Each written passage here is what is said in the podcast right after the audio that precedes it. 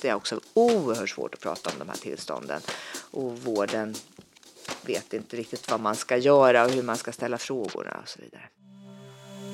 Sex på arbetstid. Sex på arbetstid. Sex på arbetstid. En podd om SRHR för dig som jobbar inom vården.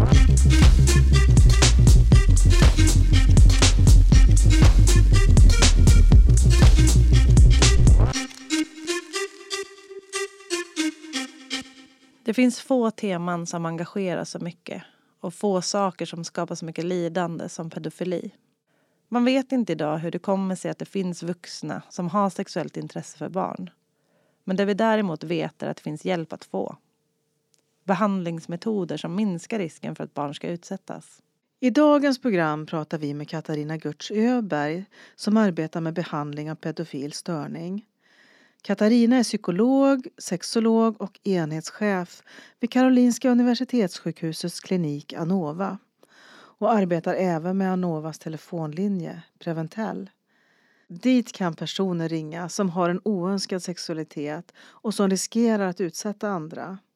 Vi som gör det här avsnittet är jag, Anna Skoglund, och min kollega Elin Klingvall. Välkommen tillbaka till Sex på arbetstid, Katarina Görtz Öberg. Tack så mycket. Du var ju med tidigt i podden i avsnitt sju och pratade om hypersexualitet. Mm. Eh, Och idag ska vi prata om en annan typ av oönskad sexualitet. Pedofili. Att man har tändningsmönster mot barn. Mm. Eller vi- vilka ord använder ni på Anova? Ja, på Anova så, vi är ju sjukvård.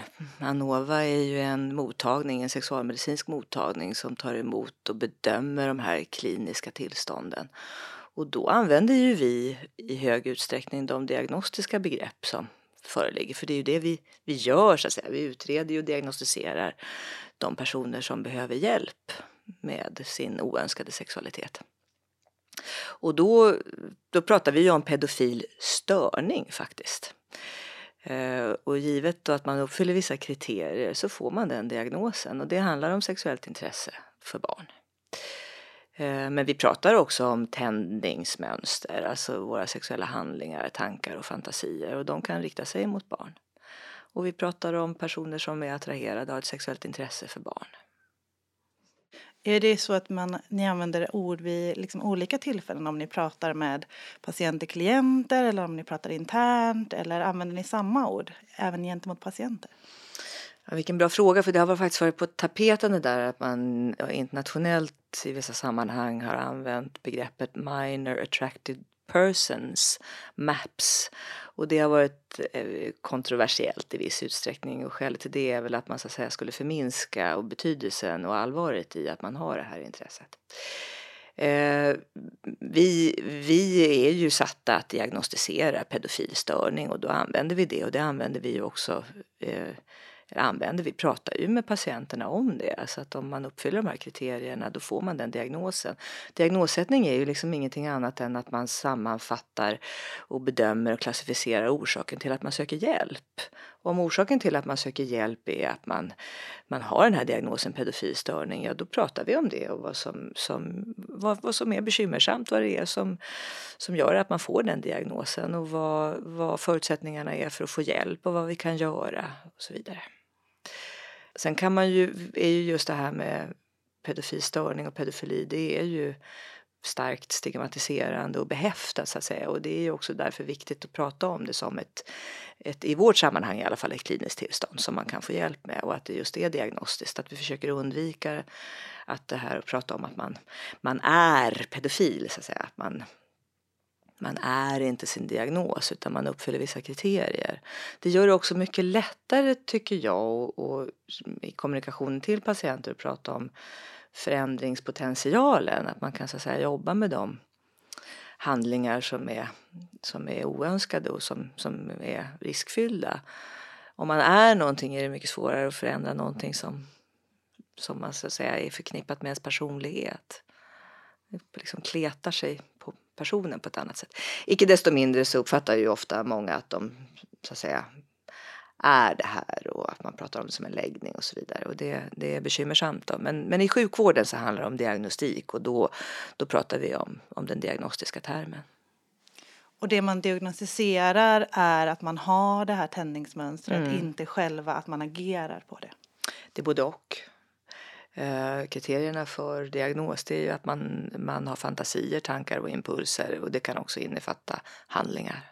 Och en handling som är vanlig hos oss det är ju att man använder det vi kallar eh, övergreppsmaterial, alltså dokumenterade sexuella övergrepp mot barn som kan vara då risk för barnpornografibrott.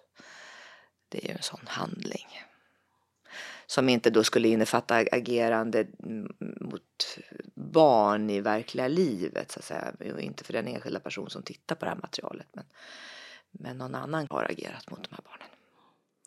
Just nu så pågår det ju ett stort forskningsprojekt hos er och vi ska komma in och prata lite mer om det strax. Men om man tittar lite hur det ser ut idag generellt både eh, kanske hos er men också i övriga Sverige. Vad finns det för behandlingsalternativ? Mm. Eh, alltså specialistmottagningar som våra är ju väldigt tunnsått i Sverige dessvärre. Eh, det är ju i första hand Göteborg, en liten verksamhet i Umeå och Malmö. Eh, och forskningen på det här området har ju framför allt rört studier där man tittat på dömda.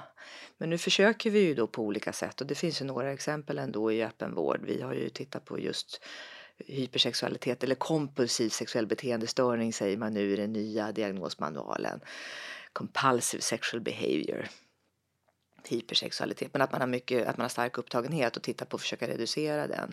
Och sen är det gjort eh, lite, gjort insatser med eh, internetalternativ, alltså internetbaserad KBT.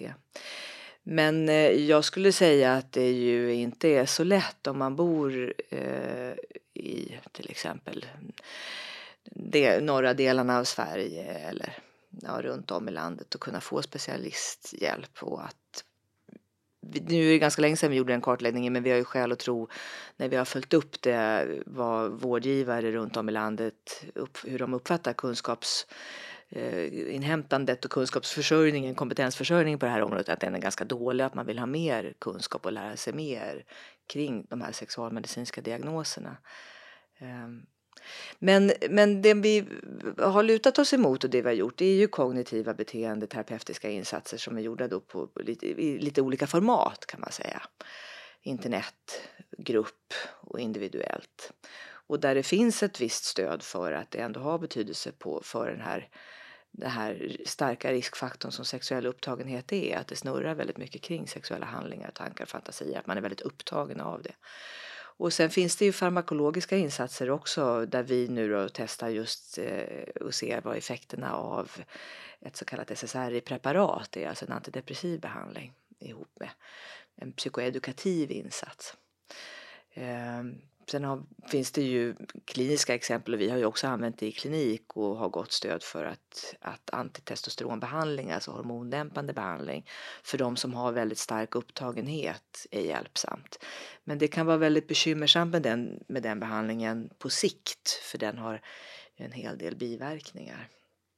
Det är också när man sätter in antitestosteronbehandling viktigt att eh, testosteron är ju vårt må bra-hormon och så det kan vara en sån där sak som kan tippa patienter över i nedstämdhet och depression och det är ju i sig en riskfaktor för att man agerar ut de här oönskade sexuella beteendena.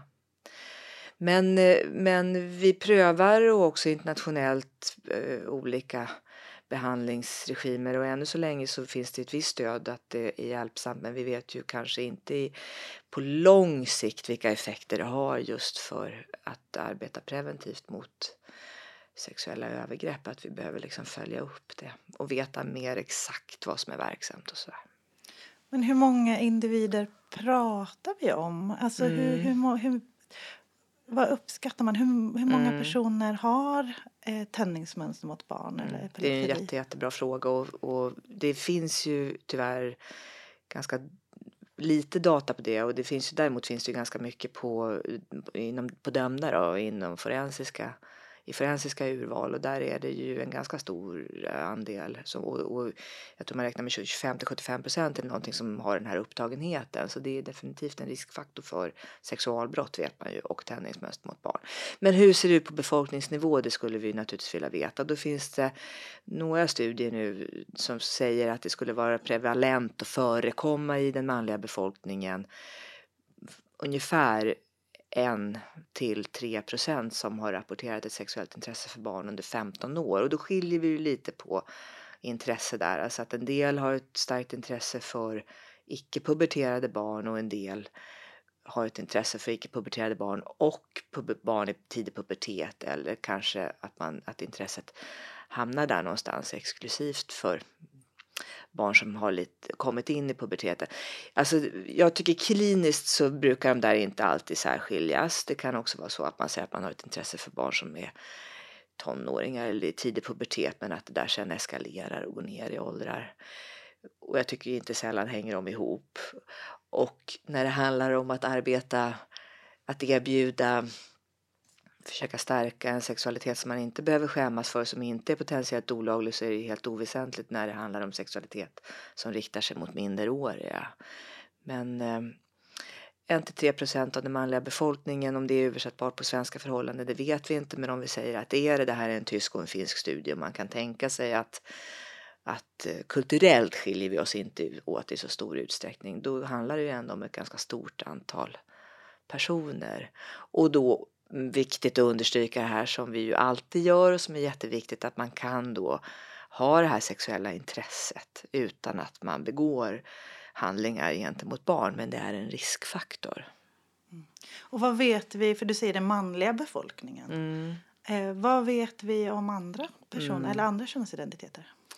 Jättelite tyvärr. Och, och eh, alltså när vi tittar på de som tar kontakt med oss på Anova och de flesta gör ju det genom vår nationella hjälplinje så är det ju ungefär och har varit genom alla år som vi har varit igång nu och det är faktiskt ett decennium drygt så är det en övervägande del med 90 procent ungefär men det är också några få kvinnor och det finns väl en hel del som tyder på att det är ett visst mörkertal där.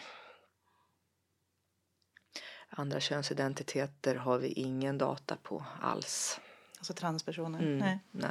Mm få, få under åren som jag har träffat kliniskt.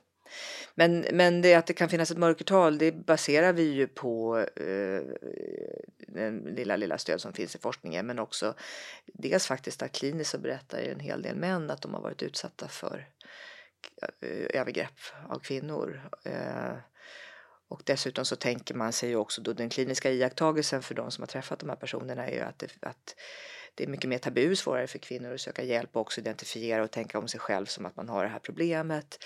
Det är svårare för vården att ta emot, tror vi. Det finns kvinnor som faktiskt, då, de få exempel vi har, kommer till oss som säger att de har sökt hjälp men man har avfärdat det då inom psykiatrin som tvångstankar därför att det är, tror jag, på en kollektiv nivå svårt för oss att, att ta in att kvinnor skulle kunna ha ett sexuellt intresse för barn och utsätta barn. Kvinnor är också fortfarande, även om vi kan tycka en massa saker om det 2023, men ofta mm, inte sällan den primära vårdaren och tror man ju då kan liksom dölja övergreppen mot barn på ett annat sätt. Att det ofta kanske sover i sängen mm, länge och nära det finns mycket att göra. Absolut. Men hur många individer, du sa 1-3 procent av den manliga befolkningen mm. är ju ganska många. Hur många mm. söker sig till er på Anova eller ringer till Preventell? Mm. Mm. Vi har lite olika statistik men eh, ehm, ja, det är ju en liten del av det här, den i så fall populationen naturligtvis. Men eh, vi brukar säga att det brukar vara upp till fyra fem samtal om dagen. Sen kommer ju inte alla. Man, söker, man kan ringa och prata om sig själv anonymt. Men för att komma till mottagningen så behöver man ju då ge kontaktuppgifter och komma. Men ungefär brukar vi, en ungefärligt intag av en person i veckan som har ett problem med eh, sexuellt tändningsmönster mot barn, sexuellt intresse, som då vid utredning kan få diagnosen pedofilstörning. Och hur kan ett sånt samtal se ut? Ringer man ofta för att man, man, är, man är rädd för att utsätta någon annan eller för att någon annan har upptäckt att man har Nej, ett tändningsmönster? Det- Någon Mm. annan har upptäckt. Mm, Det händer någonting, det är det vanliga.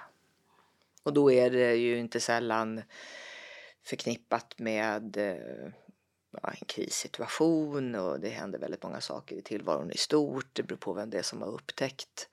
Om det är en anhörig eller om det är polisen eller det händer också att man ringer för att man är orolig över att det snurrar de här tankarna men det är faktiskt mindre vanligt. Det är, det är inte sällan externa, externa händelser som gör att man kontaktar. Ibland men inte alltid så är, det, är det krisen så stor så att man behöver ett annat omhändertagande kanske parallellt eller först. Man behöver en kanske till och med akut psykiatrisk hjälp eller man behöver en kontakt med vårdcentralen för stöd eller andra insatser.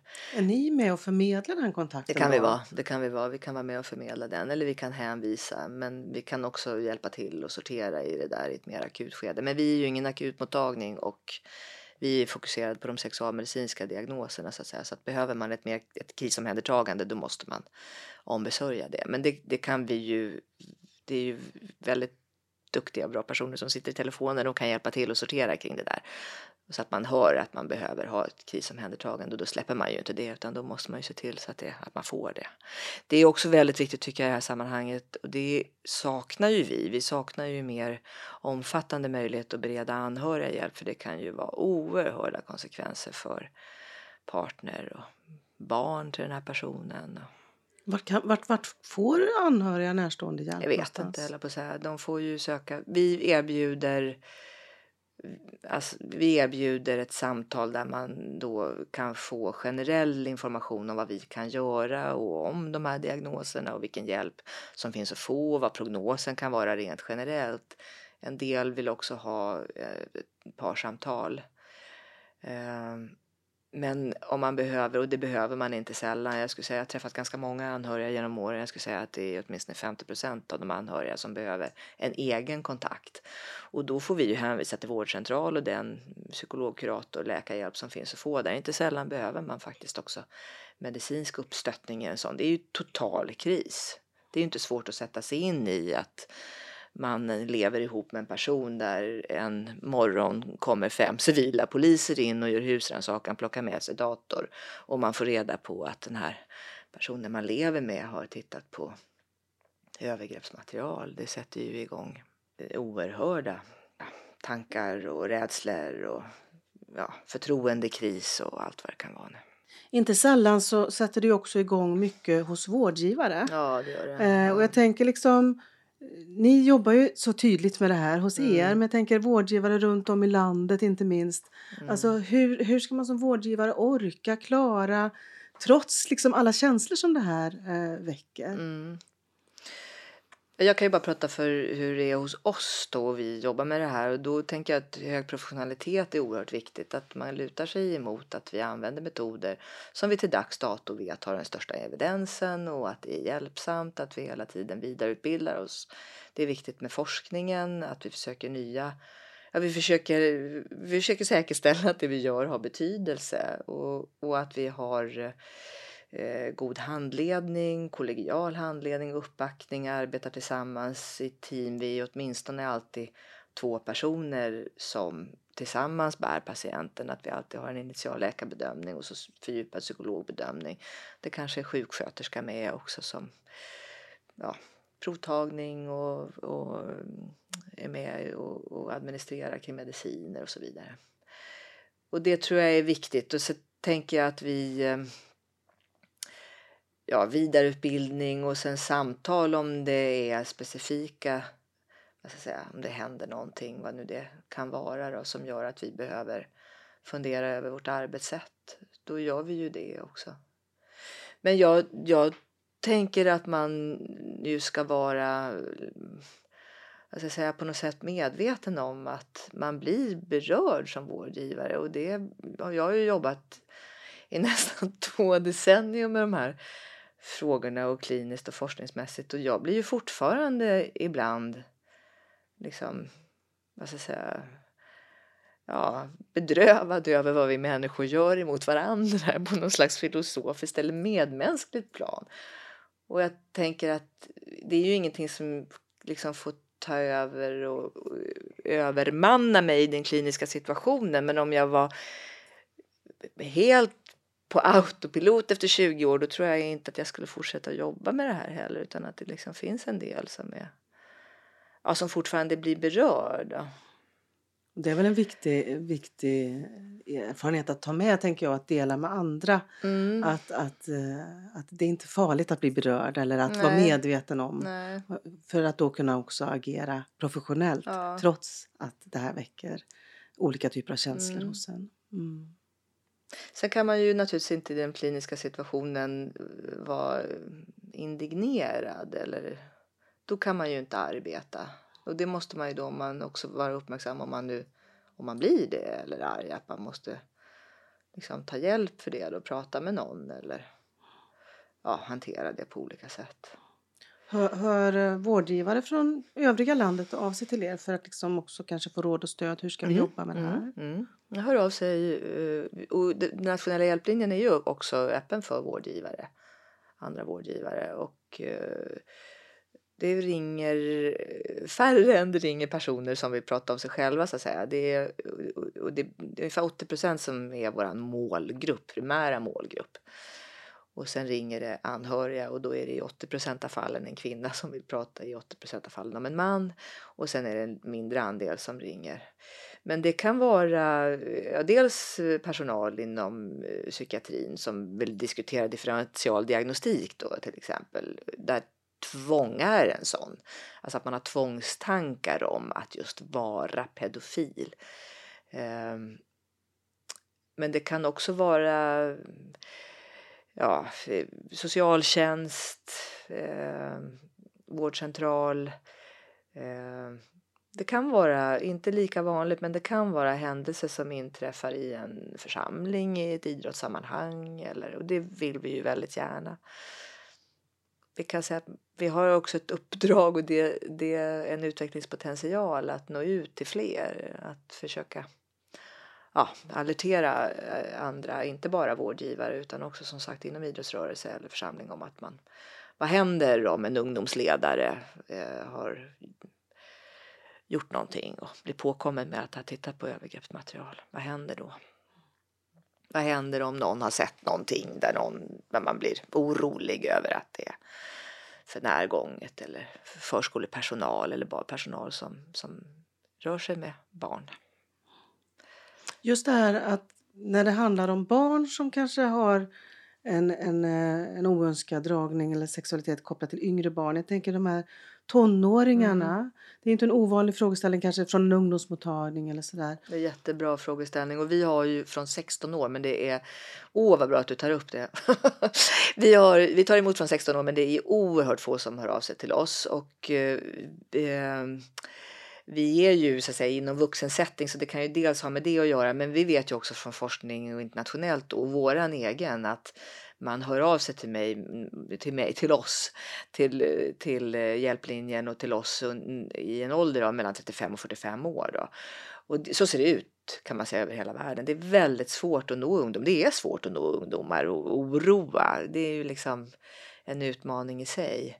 Men vi vet ju också att de som kommer till oss beskriver att de har känt till och vetat att de har det här problemet sedan långt tillbaka. Så man, vi vill ju verkligen nå de unga. Och vi håller precis faktiskt på att sjösätta ett forskningsprojekt nu där vi ska titta på ehm, specifikt de unga och försöka få, börja med att titta på eh, vanor kring pornografianvändande och den gruppen i, det, i den data som är insamlad där eh, kring de som beskriver att de har svårigheter att sluta, alltså försöka nå några som skulle kunna vara kliniskt relevanta och se hur det ser ut och sen att man försöker rikta uppsökande verksamhet och behandlingsstrategier mot unga så att de ja, så att det är relevant helt enkelt. Och där är vi för dåliga. Vi är för dåliga. Vi är för dåliga på att nå den gruppen. Vi är för dåliga på att nå kvinnorna och också de som är icke svensktalande utlandsfödda vi håller på med det kan jag säga. Vi håller på och översätter hemsidan, vi håller på och lanserar. Det har varit jättetrögt och det är inte trögt för att vi är sega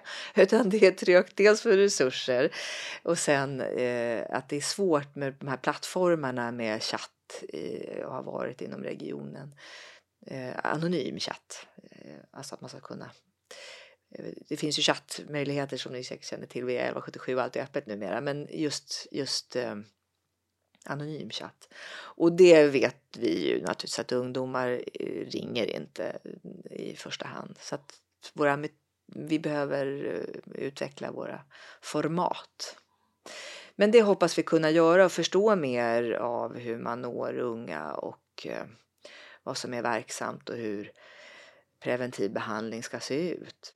Mm, men du, om jag tänker, jag skulle vilja prata lite om hur, hur vi kan förstå den här, eh, det här tändningsmönstret. Mm. Alltså vi pratar om ungdomar och att många pratar mm. om det som att det är deras läggning, att det här mm. man alltid har känt så här. Mm. Vad, vad, vet vi, hur kan vi förstå pedofili? Mm.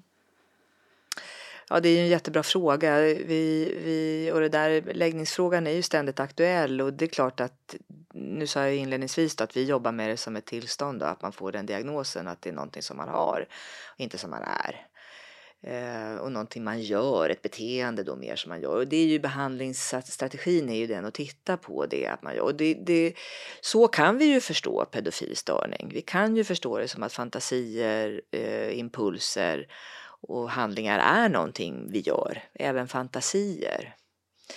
Icke desto mindre så är det ju hos vissa personer, vad ska jag säga, manifest och befäst. Och det är ett, ett eh, tennismönster som riktar sig enbart mot små och icke-puberterade barn. Och, och, där det är svårt att liksom stimulera eh, samtyckande jämnårig sexuell fantasi och handling. Då är det ju bekymmersamt med de metoder vi har idag, så är det ju.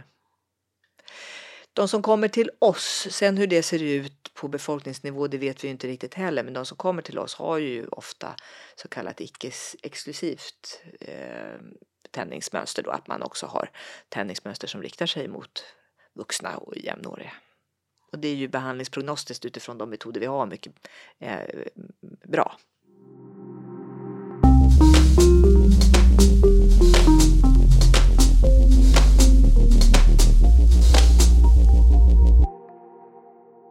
Vad vet vi om eh, effekterna av behandlingarna som finns idag? Mm, vi vet i alla fall då, men vi har tittat på, gått på den här upptagenheten som vi har gjort, att man med kognitiv beteendeterapi reducerar eh, den här upptagenheten och får mer kontroll över den helt enkelt. Och det eh, kliniskt så tänker jag att det är viktigt att gå på det personen gör helt enkelt. Och det vi också gör i behandling, sen vet vi ju långtidseffekter vet vi ju mindre. Det är svårare, vi har alltså svårt att nå de som har varit med i forskningsprotokollen under en längre tid och det behöver man ju titta på. Ehm, vi vill ju nu ta reda på det som sagt också vad det betyder, vilken betydelse det har om man också lägger på en, en, eh, ett antidepressivt preparat.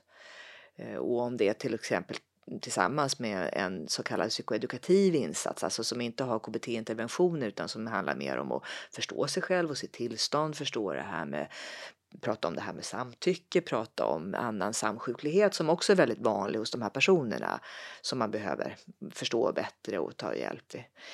Eh, men vilken betydelse har det då? Är det till och med är det bättre? Är det bättre till och med än KBT-interventioner eller vad är mest verksamt och vad är mest verksamt på sikt? Men, men eh, med lite kluven tunga då så vet vi ju att det, att det finns eh, behandlingsstrategier som visar sig verksamma. Också den här studien som där Johanna Lett har varit eh, eh första författare och jobbat med en, en internetbaserad mm, terapistyrd där vi har tittat på placebo versus KBT-interventioner så har det större betydelse eh, för vad man gör om man får KBT-interventioner.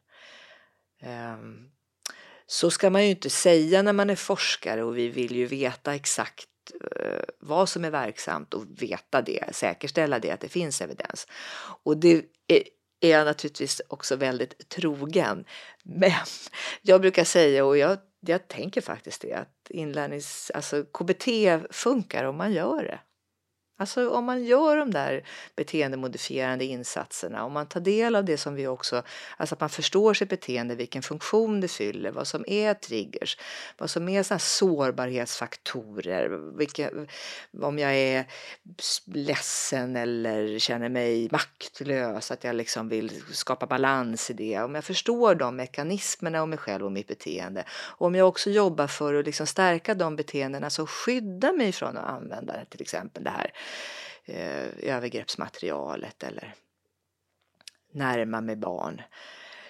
Nämligen att till exempel ha eh, sociala kontaktytor som det fint heter, sociala färdigheter som ju inte är någonting annat än att vi, vi är tillsammans med människor i goda relationer där vi trivs och där vi är någon och där vi får vara betydelsefulla och någon frågar efter en och så vidare. Om man liksom bygger upp det då, då skyddar det emot eh, eh oönskad sexualitet.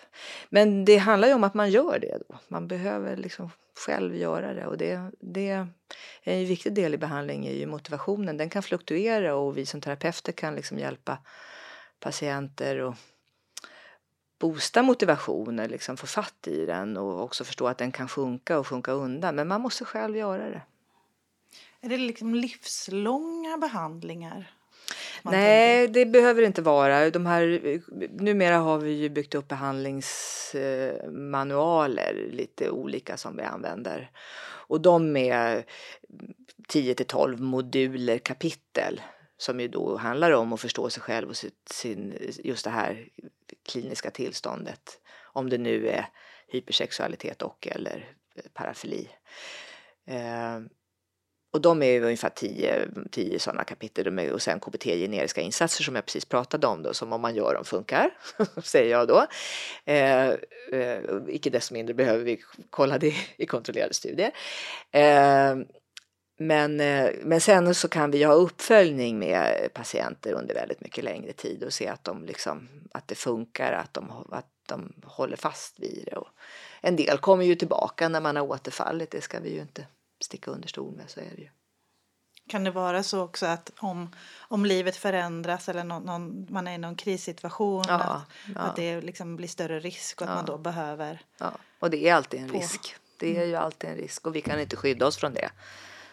Brukar jag säga. Det är ju en del av livet. Så att det, att det går upp och ner. Men, men det är också en del i det här att förstå sig själv bättre. Om, om nedstämdhet, depression är en stark riskfaktor då, då är det viktigt att vara observant på det och att man behöver kanske då eh, andra insatser från psykiatrin eller primärvården, första linjens psykiatri.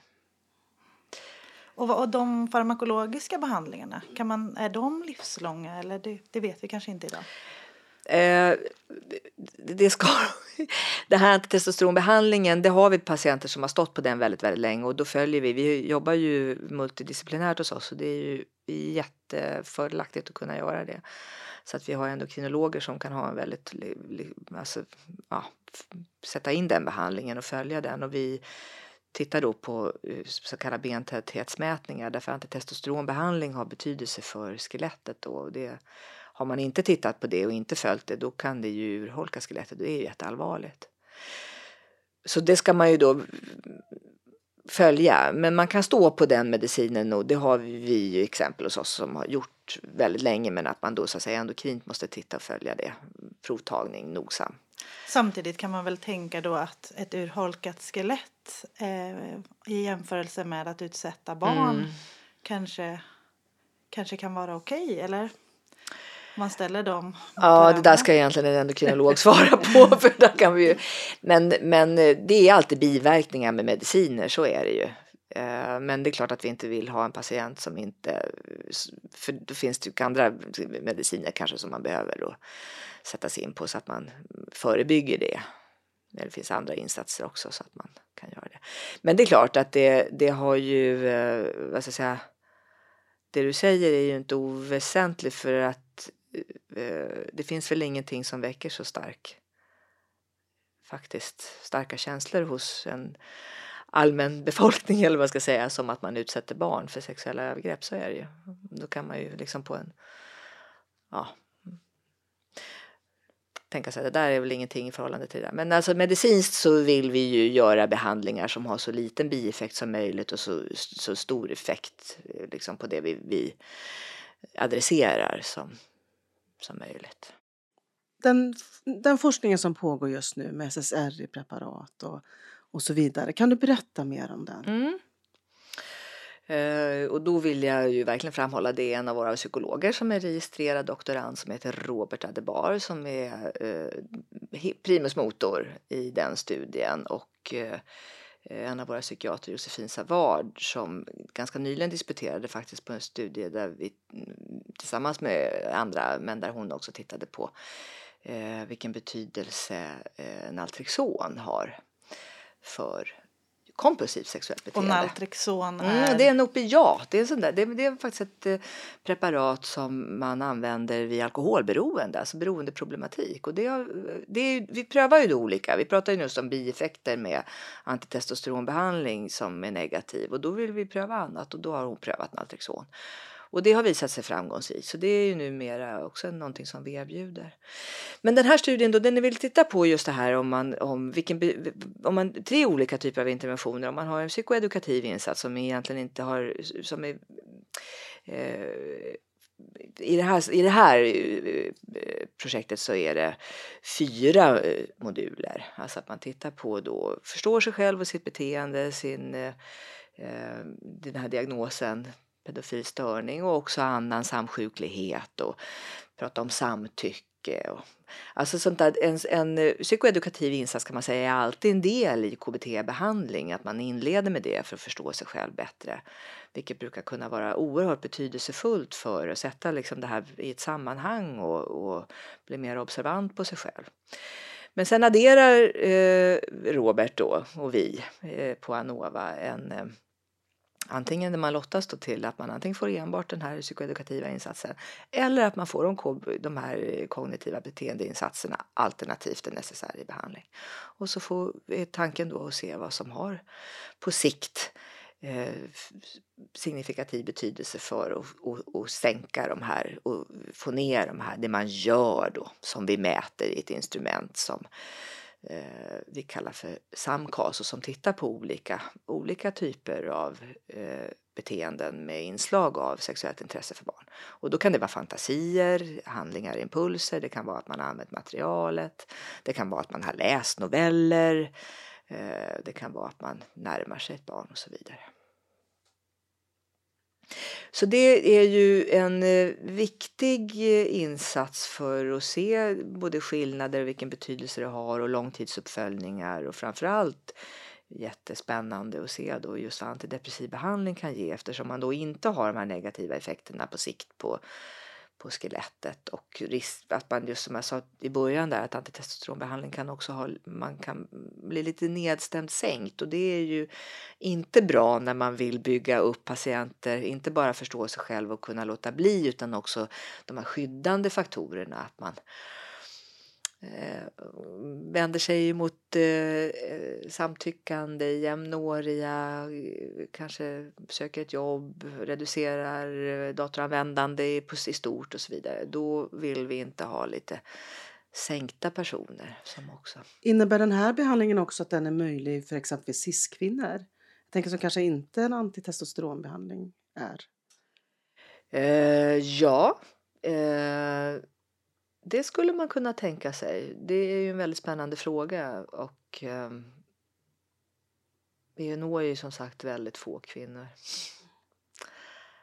och vet ju väldigt lite om dem så det skulle ju nästan mer vara frågan om en case study tänker jag att man gör då än att man tittar på grupp. Alltså. Men det skulle man ju kunna tänka sig. För idag kan man in, det finns inga behandlingsmetoder, alltså farmakologiska behandlingsmetoder som har riktats till kvinnor. Antidepressiv behandling i så fall då. Mm. Mm. Vet inte om vi har något kliniskt exempel på att ha provat Naltrexon eller uh, man kan ju teoretiskt pröva antitestosteron. Kvinnor har ju också testosteron men jag, ja, något enstaka fall. Jag kan, det, då ska vi behöva någon av endokrinologerna här men men det är så få kvinnor tyvärr som söker. Alltså det, det är tyvärr det. Det låter ju hoppfullt att det kommer liksom om man provar nya behandlingsmetoder. Men Hur ska vi göra för att nå ut, för att fler ska kunna liksom få vård och behandling? Mm.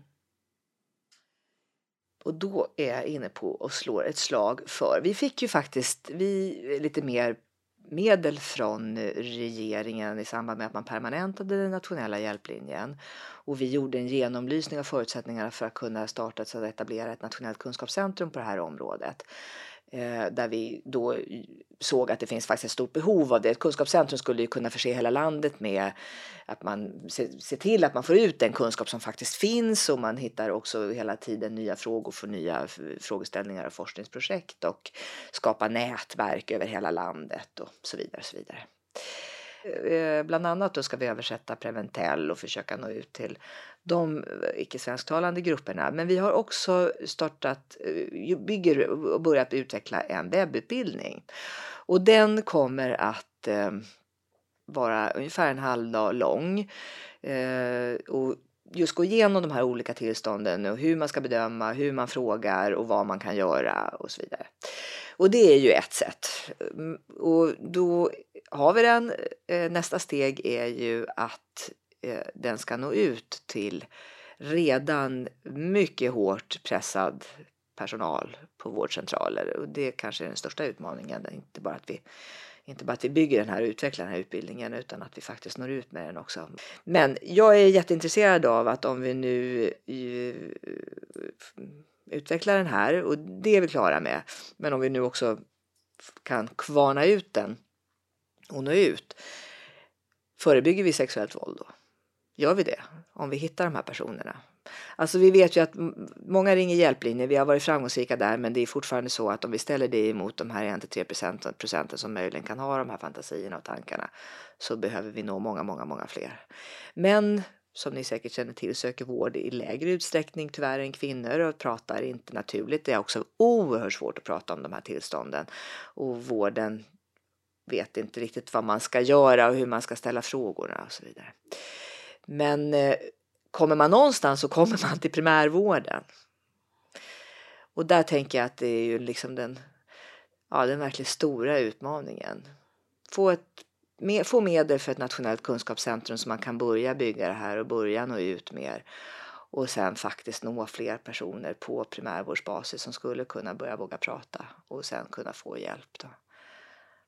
Och då, då tänker jag mig att man kanske för mer initierad behandling som vi har pratat om här nu så är det specialistvård. Men man behöver ändå nå de här personerna.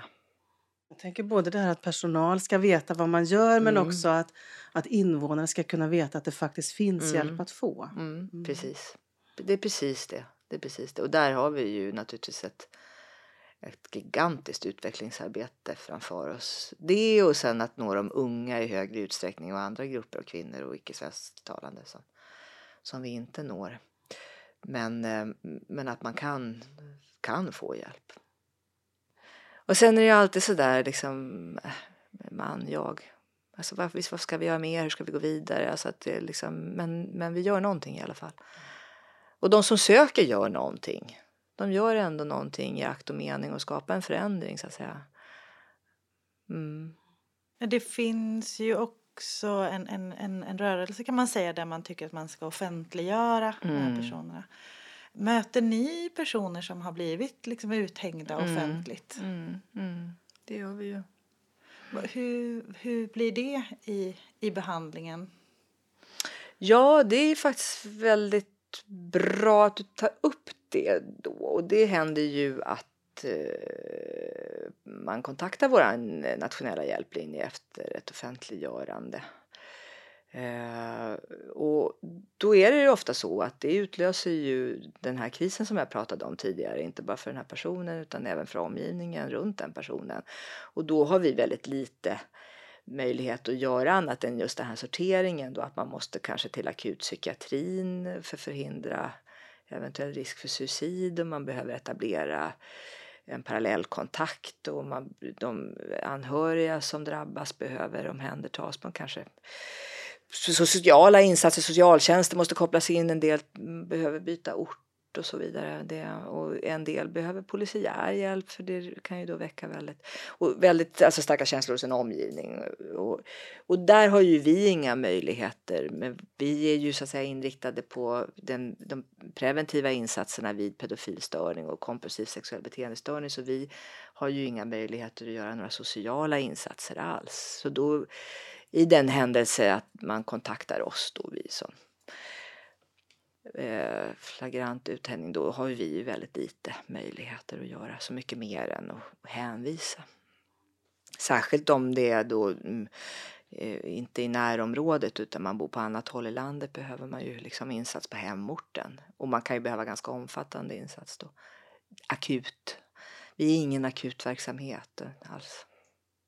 Eh, och vi har ju heller ingen möjlighet, barn och ungdomar som drabbas eh, har vi ju heller ingen möjlighet då utan de eh, är det ju barnpsykiatrin eller ja, det i första hand som kommer i fråga. Det är väl det som kanske många runt om inom hälso och sjukvård, socialtjänst också tänker vad ska vi göra i det här läget? Jag tänker bara att veta att jo, men just det, det är ju faktiskt en akut kris. Mm. Så att man liksom behöver sortera i det. Mm. Det, vi är öppenvård, det är också viktigt att på, liksom verkligen betona det. Öppen, och öppenvård, vi, vi har ju inga repressiva metoder utan den, det, man söker sig till oss helt frivilligt och vi erbjuder eh, behandling på basis av eh, frivillighet, alltså att det finns en vilja till förändring, att man vill göra det här arbetet som det innebär, att man Eh, man kommer på sina eh, besök som vi har gjort upp om, att man jobbar med, med, med det och är motiverad till det. Sen motivation kan fluktuera, den är ju inte konstant. Den är oftast hög inledningsvis när det har hänt någonting för att sen kunna vara svårare att vidmakthålla. Det är ju terapeuter och, och psykolog och våra teams uppgift och liksom hjälpa och boosta det och jobba med det. Men, men helt och hållet är liksom en inre vilja att förändra. Samarbetar ni något med liksom, den rättspsykiatriska ja, vården? inte rättspsykiatri. Det, alltså det, det händer att det kommer personer från rättspsykiatrin Ehm, alltså rättspsykiatrin har ju en annan eh, möjlighet att ta emot personer som kan vara mer potentiellt farliga och så än vad vi har. Men däremot har vi ju haft väldigt bra samarbeten tycker jag och kontakt med, med kriminalvården genom åren och de har också varit med och finansierat delar av de här behandlingsprogrammen, de projekten. Ehm, så att bidraget på så sätt till att vi faktiskt preventivt kan jobba med det här nu och veta en del om det. Eh, och det händer att eh, personer blir dömda till skyddstillsyn med föreskrift om medicinsk behandling och att den kan beredas hos oss. Eh, kontraktsvård är svårare för då eh, faller ju så att säga en eventuell påföljd, fängelsepåföljd ut om man inte sköter den och vi har ju svårare att liksom kunna följa det och så. Och, och kriminalvården har ju väldigt bra behandlingsprogram som de erbjuder och ger nu. Men ehm, det, det, de gör ju en, eh, en bedömning inom kriminalvården om man till exempel är misstänkt då för, för eh, barnpornografibrott. Och då kanske en person har börjat hos oss och då kan vi liksom stämma av vem som gör vad. Kriminalvården eh, och de olika anstalterna hör ibland av sig till oss när de har en person som har varit på anstalt och som ska då vid frigivning eh, försöka etablera en kontakt med oss, att man har en övergång då. Och det försöker vi också att tillgodose.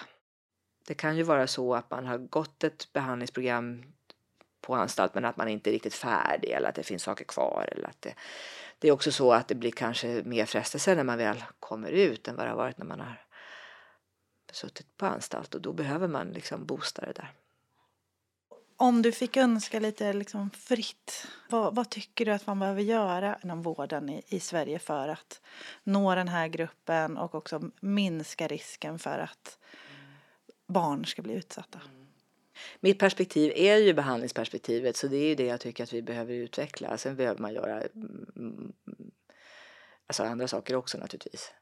Eh, både eh, alltså i stort tänker jag, hur vi pratar om sexualitet och hur vi eh, tar hand om ja, så kallade hemmasittare, ungdomar, det finns en massa saker där. Men mitt perspektiv är ju behandling då och då tänker jag att vi förutom att utveckla de här behandlingsprojekten och jobba vidare med det så skulle det ju vara fantastiskt om man under min livstid, men, men under det, min, det, det jag ska jobba vidare och det är inte kanske så många år till, men om man faktiskt kunde etablera ett sånt här nationellt kunskapscentrum.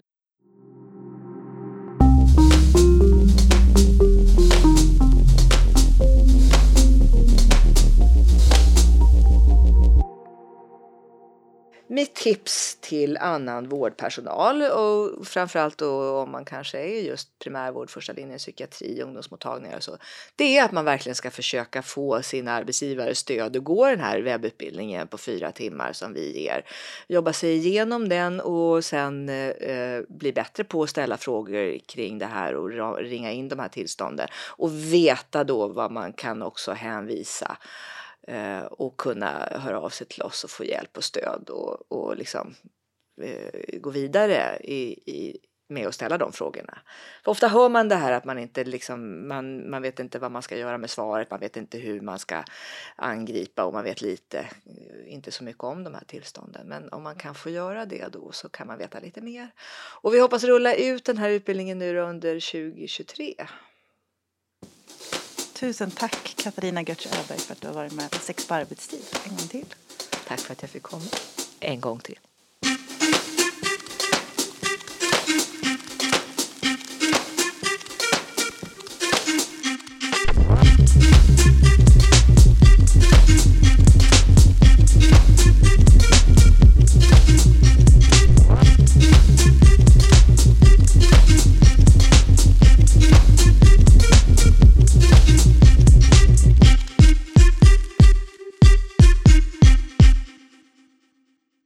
Har hört Sex på arbetstid, en podd som görs av Kunskapscentrum för sexuell hälsa, en del av Västra Götalandsregionen. Producent var Elin Klingvall.